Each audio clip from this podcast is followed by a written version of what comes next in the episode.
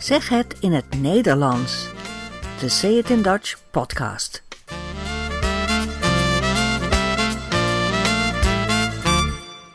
Nummer 40.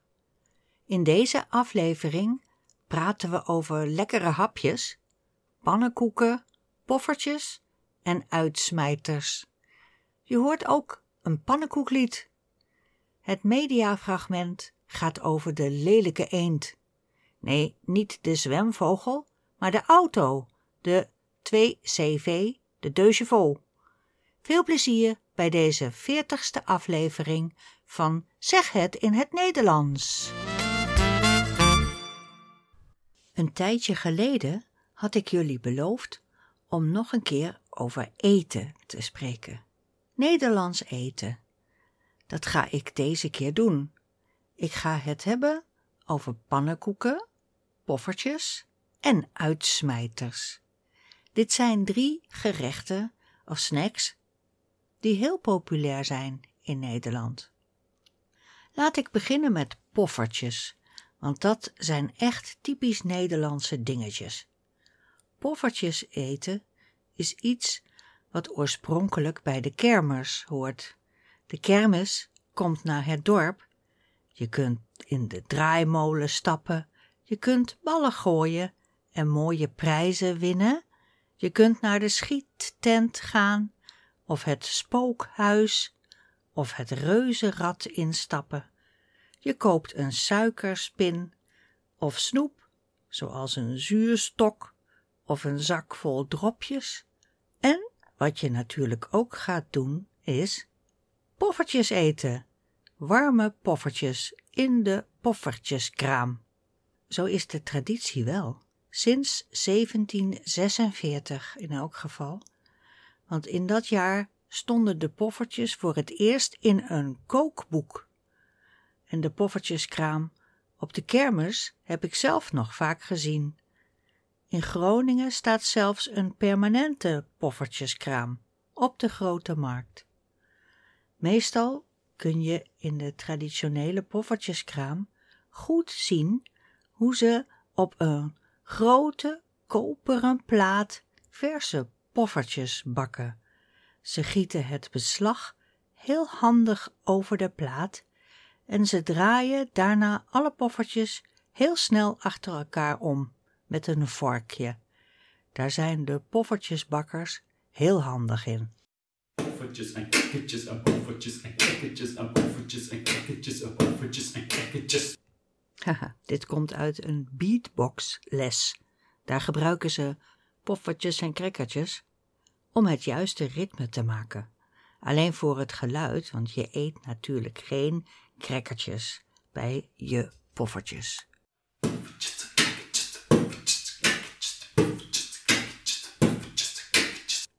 Veel reizende poffertjeskraampjes van de kermis zijn helaas verdwenen. Het is heel veel werk om ze op te bouwen en daarna weer af te breken. Ik denk dat je tegenwoordig je poffertjes bij een foodtruck moet bestellen. Die krijgt een schoteltje met ongeveer tien poffertjes, veel poedersuiker erover en een klontje boter erbovenop. Heerlijk. Poffertjes eten is echt een leuke gewoonte, vind ik. Ook voor kinderen. Gelukkig hoef je niet te wachten op de kermis, want in heel Nederland zijn poffertjes- en pannenkoekrestaurants. Daar kun je het hele jaar genieten van een bordje poffertjes. En in de winkel kun je zelf ook een poffertjespan kopen en het zelf proberen. Maar wat zijn dat dan, poffertjes? Nou, dat zijn eigenlijk een soort mini-pannenkoekjes met een doorsnee van ongeveer 4 of 5 centimeter, die bij het bakken een beetje bol geworden zijn. Ze zijn gemaakt van beslag, deeg met gist.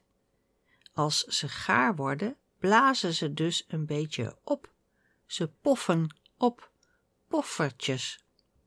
Poffen is een woord dat we gebruiken voor de kooktechniek van warm maken zonder vet en zonder water. Zoals popcorn, zeg maar. Dat is gepofte mais. We eten soms ook gepofte aardappel of gepofte kastanjes. En misschien heb je ook wel eens van pofmouwen gehoord. Dat kun je niet eten, maar dat zijn de mouwen aan een jurk of een blouse die een beetje bol staan, een beetje opgeblazen zijn. Nou, poffertjes, dat zijn eigenlijk kleine, opgeblazen mini-pannenkoekjes. Er is in Delft een moderne legende. De legende dat president Clinton met zijn vrouw Hillary eens in Nederland op bezoek was en dat was in 1997. Hij was natuurlijk eerst in Den Haag voor overleg met de regering, maar daarna bezochten ze eventjes de mooie oude stad Delft. Het verhaal gaat dat Bill en Hillary stiekem poffertjes gingen eten bij het restaurant Het Wapen van Delft. Dat restaurant heet nu anders, ABC of Koningshuis, dat weet ik niet precies. Als je in Delft woont, moet je maar even kijken op de markt op nummer 3234. Er komen nog altijd mensen speciaal in dat restaurant poffertjes eten, omdat Bill Clinton daar ooit zat, zeggen ze. Twee jaar geleden schreef de krant over dit mysterie. Ze spraken met de eigenaar van het restaurant. De Clintons gingen samen met toen nog prins Willem-Alexander de nieuwe kerk en de grafkelder bezoeken, vertelt hij. Hij was er zelf niet bij.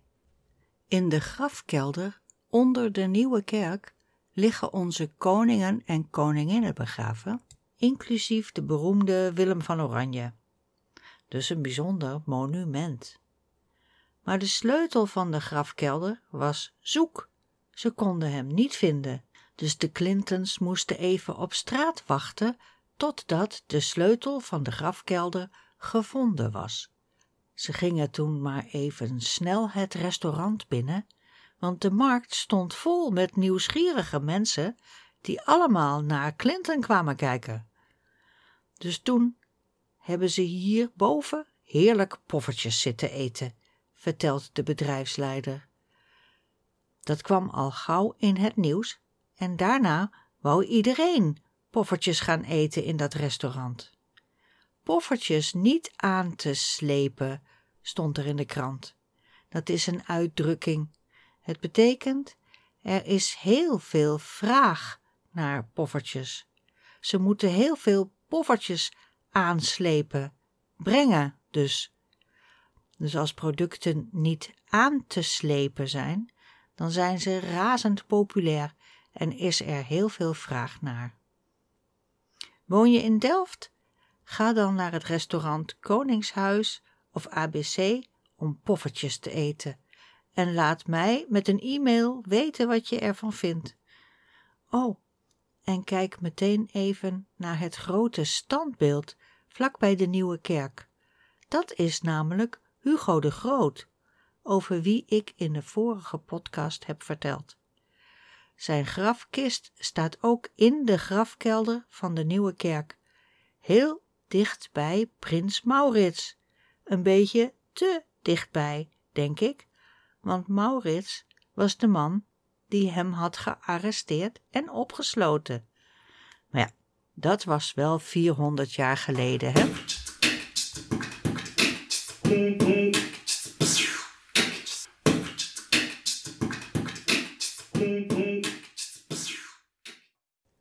En dan pannenkoeken. Die kent elk land wel, denk ik. De Nederlandse pannenkoek is wat dikker en groter dan crêpes in Frankrijk en wat dunner dan de pancakes in Amerika, zeggen ze. En Nederlanders eten ze als avondeten. Dat wil zeggen, pannenkoeken eten is wel typisch iets voor gezinnen met kinderen. Elsje, fieder Elsje, zet je klompjes bij het vuur. Moeder bakt pannenkoeken, maar het meel is zo duur. Tingelingelinge pannenkoek, stroop met rozijnen. Dingelingelinge pannenkoek, kom je op bezoek. Samen pannenkoeken bakken in een koekenpan. Pannenkoek, koekenpan. En dan een grote stapel pannenkoeken maken, dat is heel populair. Je smeert er stroop op of jam, of je strooit er suiker over. Je rolt ze op en happen maar. Als je pannenkoeken gaat eten in een van de vele pannenkoekenrestaurants of pannenkoekhuizen in Nederland, kun je soms wel 300 verschillende soorten vinden. Hartige pannenkoeken met kaas of ham of spek of andere hartige ingrediënten. En zoete pannenkoeken met appel, kersen, aardbeien, suiker, noem maar op. Iedereen in Nederland heeft als kind wel eens pannenkoeken gegeten. Ik ook. En ze zijn groot hoor, die pannenkoeken. Maar thuisbakken is ook leuk. Een belangrijke maker van pannenkoekmeel is de firma Koopmans.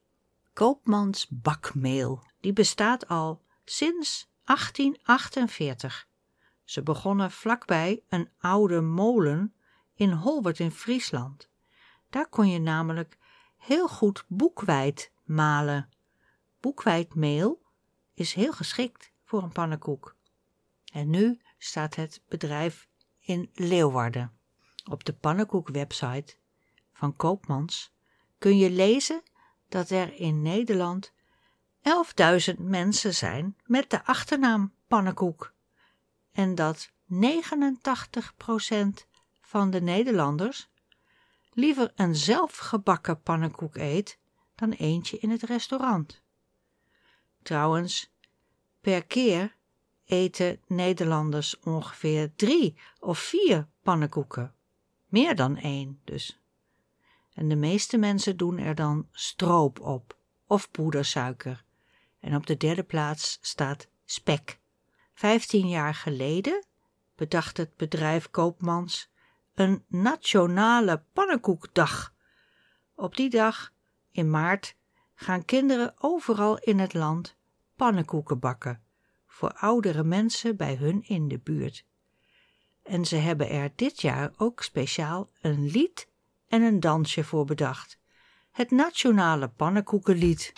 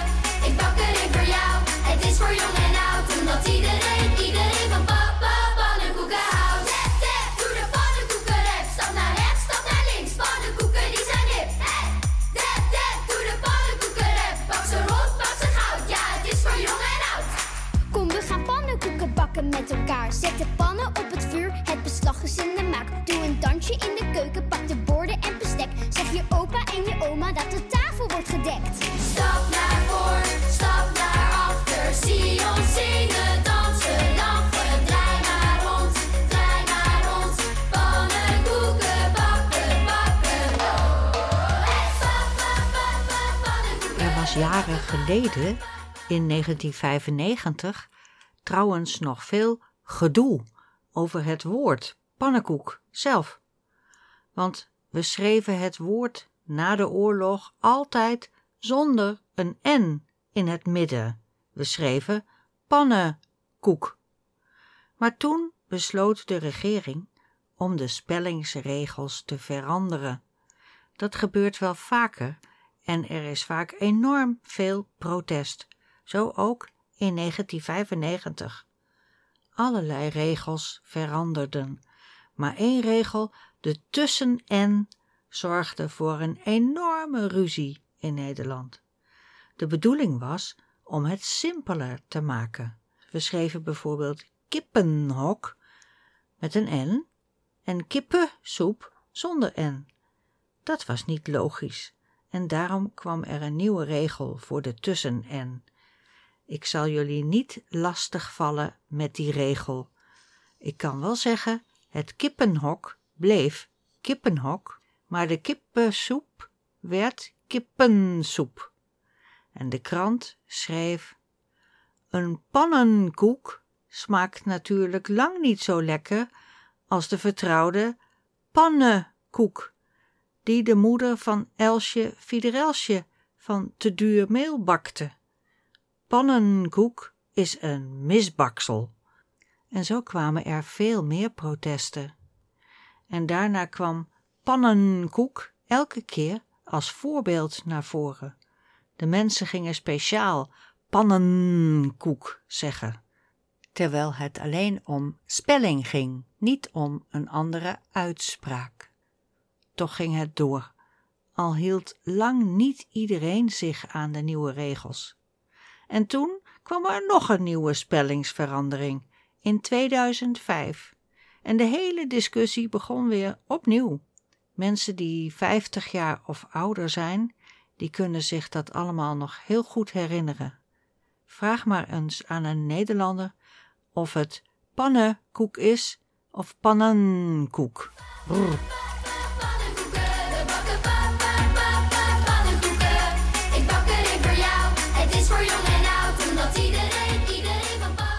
Dan hebben we nog uitsmijters.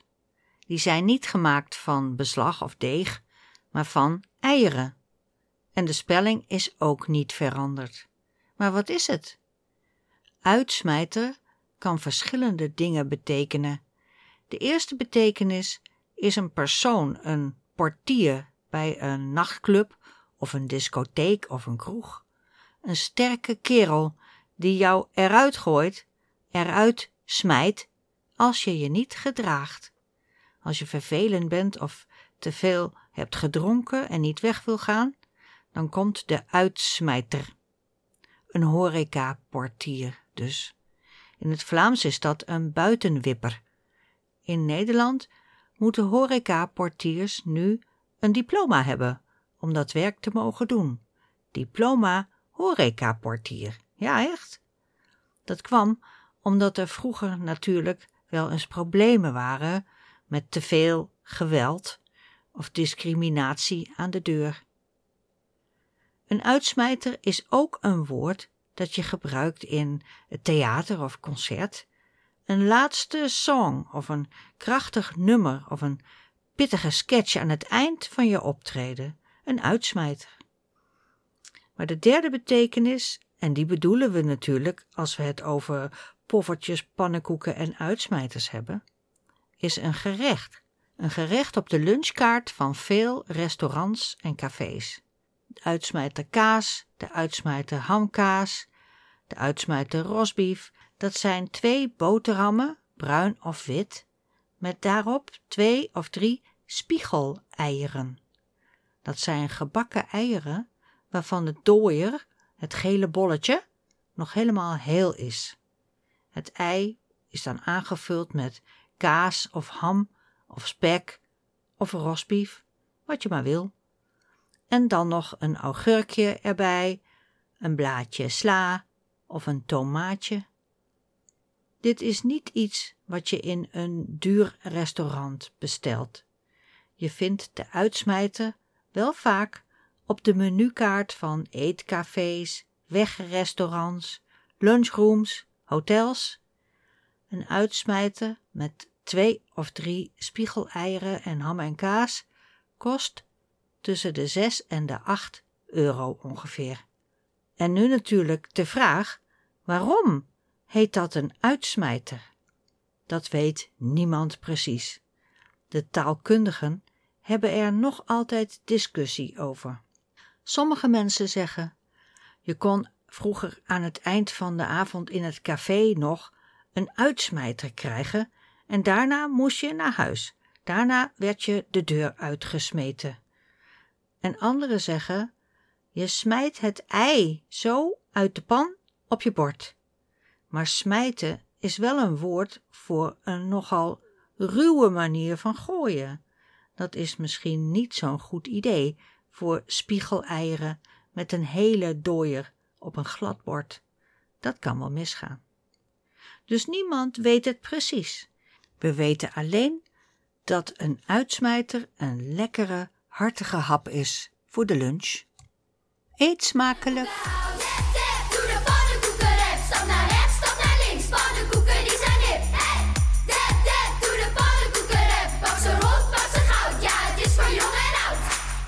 de pannenkoekenrep. Is het feest. Het is lekker, het is leuk, doe gezellig met ons mee. En voor mijn oude buurman bak ik er ook nog een paar. Want pannenkoeken eten we natuurlijk met elkaar.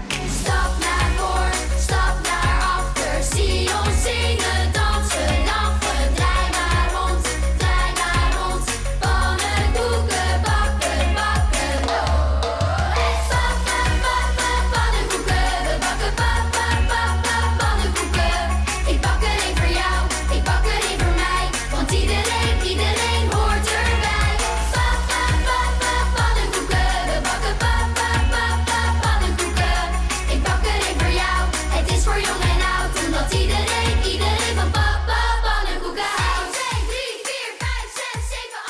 Ja, pannenkoekdag. Jongens, ik wil jullie weer heel erg bedanken voor de donaties. Zonder donaties zou ik de podcast niet kunnen maken en publiceren. En zou de website dutchidiom.com niet bestaan. Daar vind je bij elke aflevering wat aantekeningen over de onderwerpen van die keer. En vaak zijn dat video's of links naar websites met meer informatie of foto's van wat ik heb besproken. Dutch Idiom. Daar kun je ook een bericht naar mij sturen. Dat vind ik altijd superleuk. Heb je wel eens poffertjes gegeten bijvoorbeeld, of een uitsmijter? En wat vond je ervan? Ik lees het graag. Kunt u dat herhalen? Kunt u dat herhalen?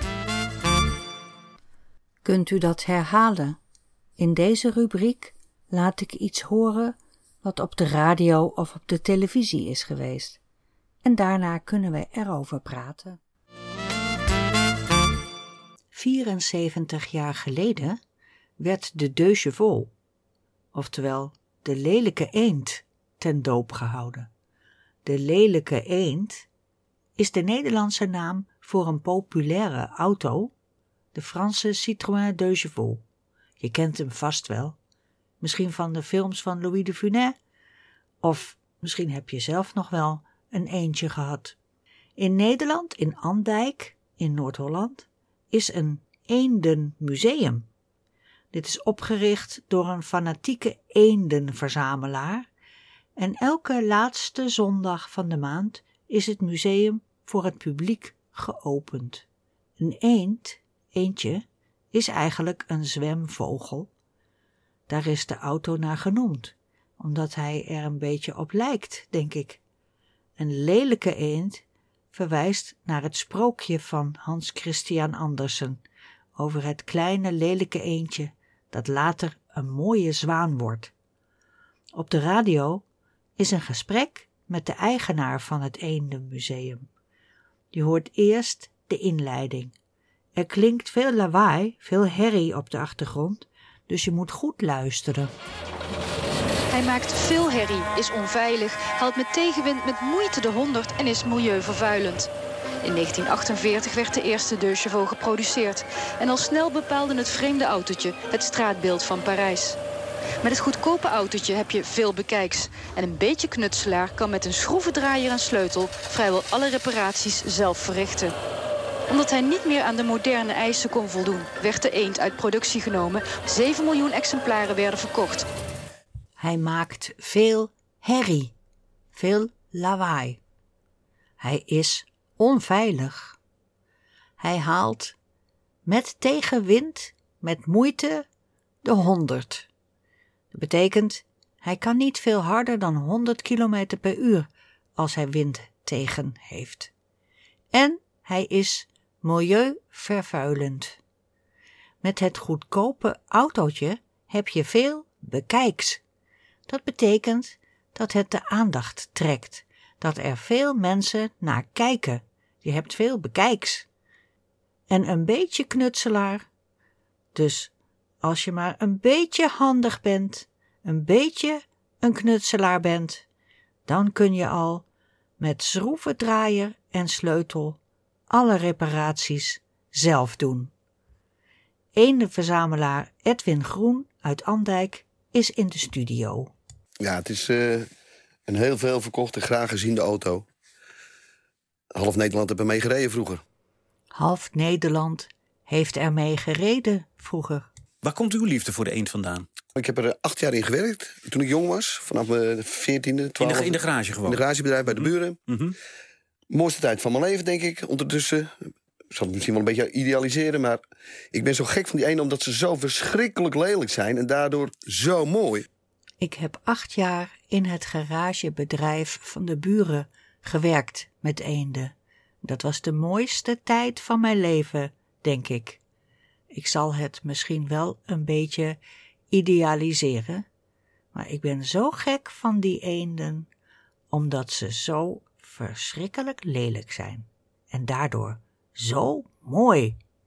U vindt het geen mooie auto dus? Nee, hij is zo lelijk en zo simpel. Hoe hebben ze het kunnen bedenken vroeger om zo'n auto zo te kunnen maken? Maar zo simpel moet je kunnen denken om dat te kunnen maken. Dat, dat is ook een vak apart. Maar mooi van lelijkheid Ja. dus? Ik vind het mooi. Hij is zo lelijk en daardoor zo mooi. Je hebt wel meer auto's, bijvoorbeeld een Tatra. Zegt u misschien helemaal niks, maar die is ook zo spuuglelijk. Maar Wat is een. Tatra? Wat is dat voor auto? Ja, dat is een Russische auto. Ik wou net zeggen, dat klinkt Ja, heel Oostblok. Ja, ja, met, een met een staartvinder achter. En ja, vind ik ook prachtig omdat hij zo lelijk is. U valt op lelijk. Ik val op lelijk, ja, dat klopt. Ik val op lelijk. Dat betekent dat je lelijk aantrekkelijk vindt. Dat kun je ook gebruiken bij mensen. Dus je kunt zeggen: ik val op jongens of ik val op oude vrouwen. Ik zeg maar wat.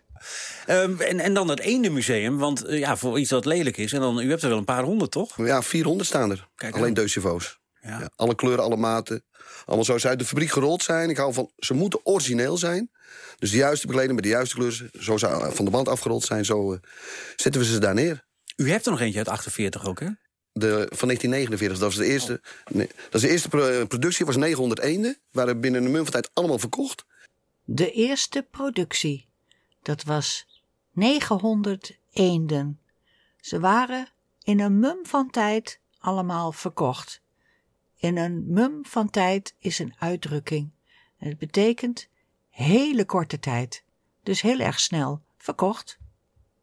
Ik heb een paar jaar geleden op een veiling eh, de alleroudste eend van de wereld gekocht. Op dit moment eh, de oudste. Het kan natuurlijk best wel nog zo zijn dat er nog ergens in een schuur... of ergens anders nog een oude eend staat. Bij zo'n boertje. Bij zo zo'n boer in Frankrijk. Zo'n vervallen schuurtje. veel Onder de stof. Noorberg, ik heb ze overal gevonden. Ja, de interviewer en eh, de directeur laten hun fantasie even gaan. Zij zien voor zich hoe ze ergens een oude eend vinden bij zo'n boertje in Frankrijk, in zo'n vervallen schuurtje onder een hooiberg. De directeur zegt: Ik heb ze overal gevonden. Eh, ik hoop niet dat die gevonden wordt, een oudere eend. Want dan is mijn eend eh, niet meer de oudste. En tot nu toe is het de oudste van de wereld. En veel waarde heeft hij op dit moment. Rij- rijdt hij ook nog? Hij rijdt ook nog jou. Ja. En, en wat is dat ding waard dan? ja, wat het ding waard is... eh, dat kan best wel zo zijn. Als, hij, als er geen oudere gevonden wordt... kan het best zo zijn dat er over een paar jaar... tussen de 100 en 125.000 euro waard is. Zo. Ja. Ja. Als deze auto uit 1949 de oudste blijft, dus er wordt geen oudere gevonden, dan kan het best zo zijn dat hij over een paar jaar tussen de 100 en 125.000 euro waard is. Lelijke eendjes zijn nog steeds heel populair. In Nederland kun je een lelijke eend huren voor een bedrijfsdagje of zo. Zoek maar eens op Duck Trail of Eendenrally of 2CV, de chevaux, 2CV. Maar het Eendenmuseum zelf verhuurt ze niet. Nee, ik verhuur ze niet. Mensen kunnen echt naar kijken En in het museum. de laatste zondag van de maand zijn we dan altijd open. Komt altijd toch wel een paar honderd mensen kijken. In Andijk? In Andijk. Ja. Het is helemaal in Noord-Holland tegen het eh, IJsselmeer aan. Maar eh, ja, ik zeg het zelf, het is een geweldig museum geworden. Het is, eh, er staat ook van alles. We hebben een hele winkelstraat gemaakt. En een, eh, een Citroën bar, eh, Citroën logo. Het, het, het, het ruikt naar Citroën. Ja, ja. Nou, als ik jou was, dan zou ik daar maar eens gauw gaan kijken op de laatste zondag van de maand.